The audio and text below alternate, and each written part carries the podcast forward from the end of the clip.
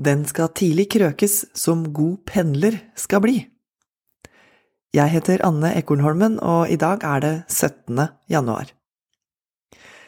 136 500 skoleelever tilbringer stadig flere kilometer og pendlertimer i buss hver dag. Hvor lenge orker barnefamiliene å bo på bygda? Med den beskrivende tittelen Barndom på bussen har NRK kartlagt hvor mye tid norske skoleunger bruker på bussreising. Til og fra skolen via lange omveier med mye ventetid. Og tapt fritid. Sitat Dette er et nesten usynlig tema i den diskusjonen som foregår om skolen i Norge, skriver statssekretær i Kommunal- og distriktsdepartementet Ole Gustav Naru fra Senterpartiet på Facebook.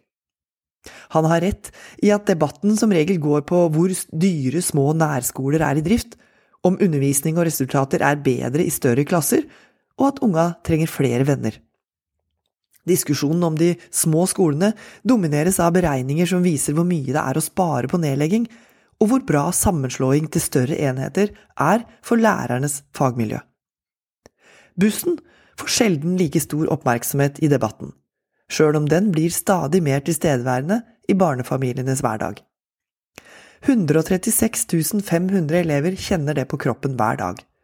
Pendling dytter middag, lekser og håndballtrening inn i ei tidsklemme av korte ettermiddager. Man blir sliten av lange arbeidsdager som begynner i grålysninga fordi bussen drar så tidlig. I 2021 blei 37 barneskoler lagt ned her i landet. De siste ti åra er det blitt 240 færre skoler til sammen, viser tall fra Utdanningsdirektoratet. Kommunene bruker de minste skolene på bygda til salderingspost når de skal få til ei svart båndlinje med stramme økonomiske rammebetingelser.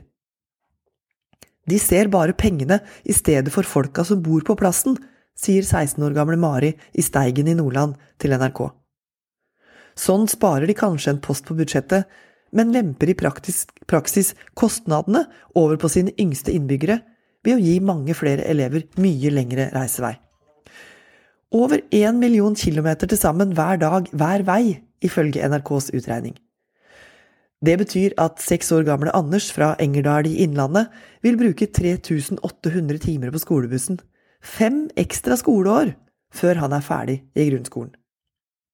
Men at flere må tilbringe barndommen på buss, det trenger ikke kommunene bekymre seg for, for skoletransportansvaret ligger nemlig hos fylkeskommunen ett forvaltningsnivå opp, ett hakk lenger unna dem det gjelder.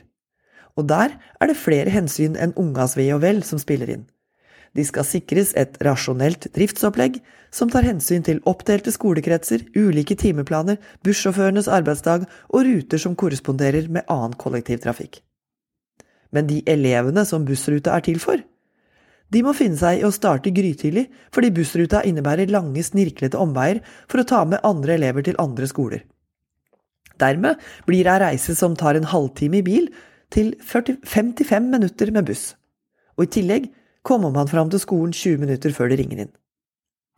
Det som framstår økonomisk hensiktsmessig og effektivt for busselskap og sjåfører, er altså et elendig tilbud til dem som skal bruke det. Passasjerene. Unga. Maris fritid blir en post på fylkeskommunens budsjett, som hun sier til NRK. Arbeiderparti- og Senterparti-regjeringa er fornøyd med den såkalte skolemilliarden de satte av allerede i Hurdalsplattformen. I motsetning til mesteparten av overføringene fra stat til kommune, er disse midla øremerka, med samme sum knytta til hver enkelt skole. Blir én skole lagt ned, mister kommunen 500 000 kroner. Hensikten er god. Det kan utgjøre en forskjell for noen kommuner som sitter og veier fram og tilbake. Hva er verdien av små skoler i de minste bygdene, i utkanten av kommunen? Jo da, det er foreldra som velger bosted, og må ta følgene av det. Som pendlervei til både jobb og fritidsaktiviteter. Noen i kommentarfeltet melder at da jeg var ung, måtte vi gå 14 km. Eller de kan jo bare flytte nærmere skolen. Og det blir også konsekvensen. Skolenedlegging er ikke bare en følge av sentralisering, det er vel så mye en utløsende faktor og katalysator.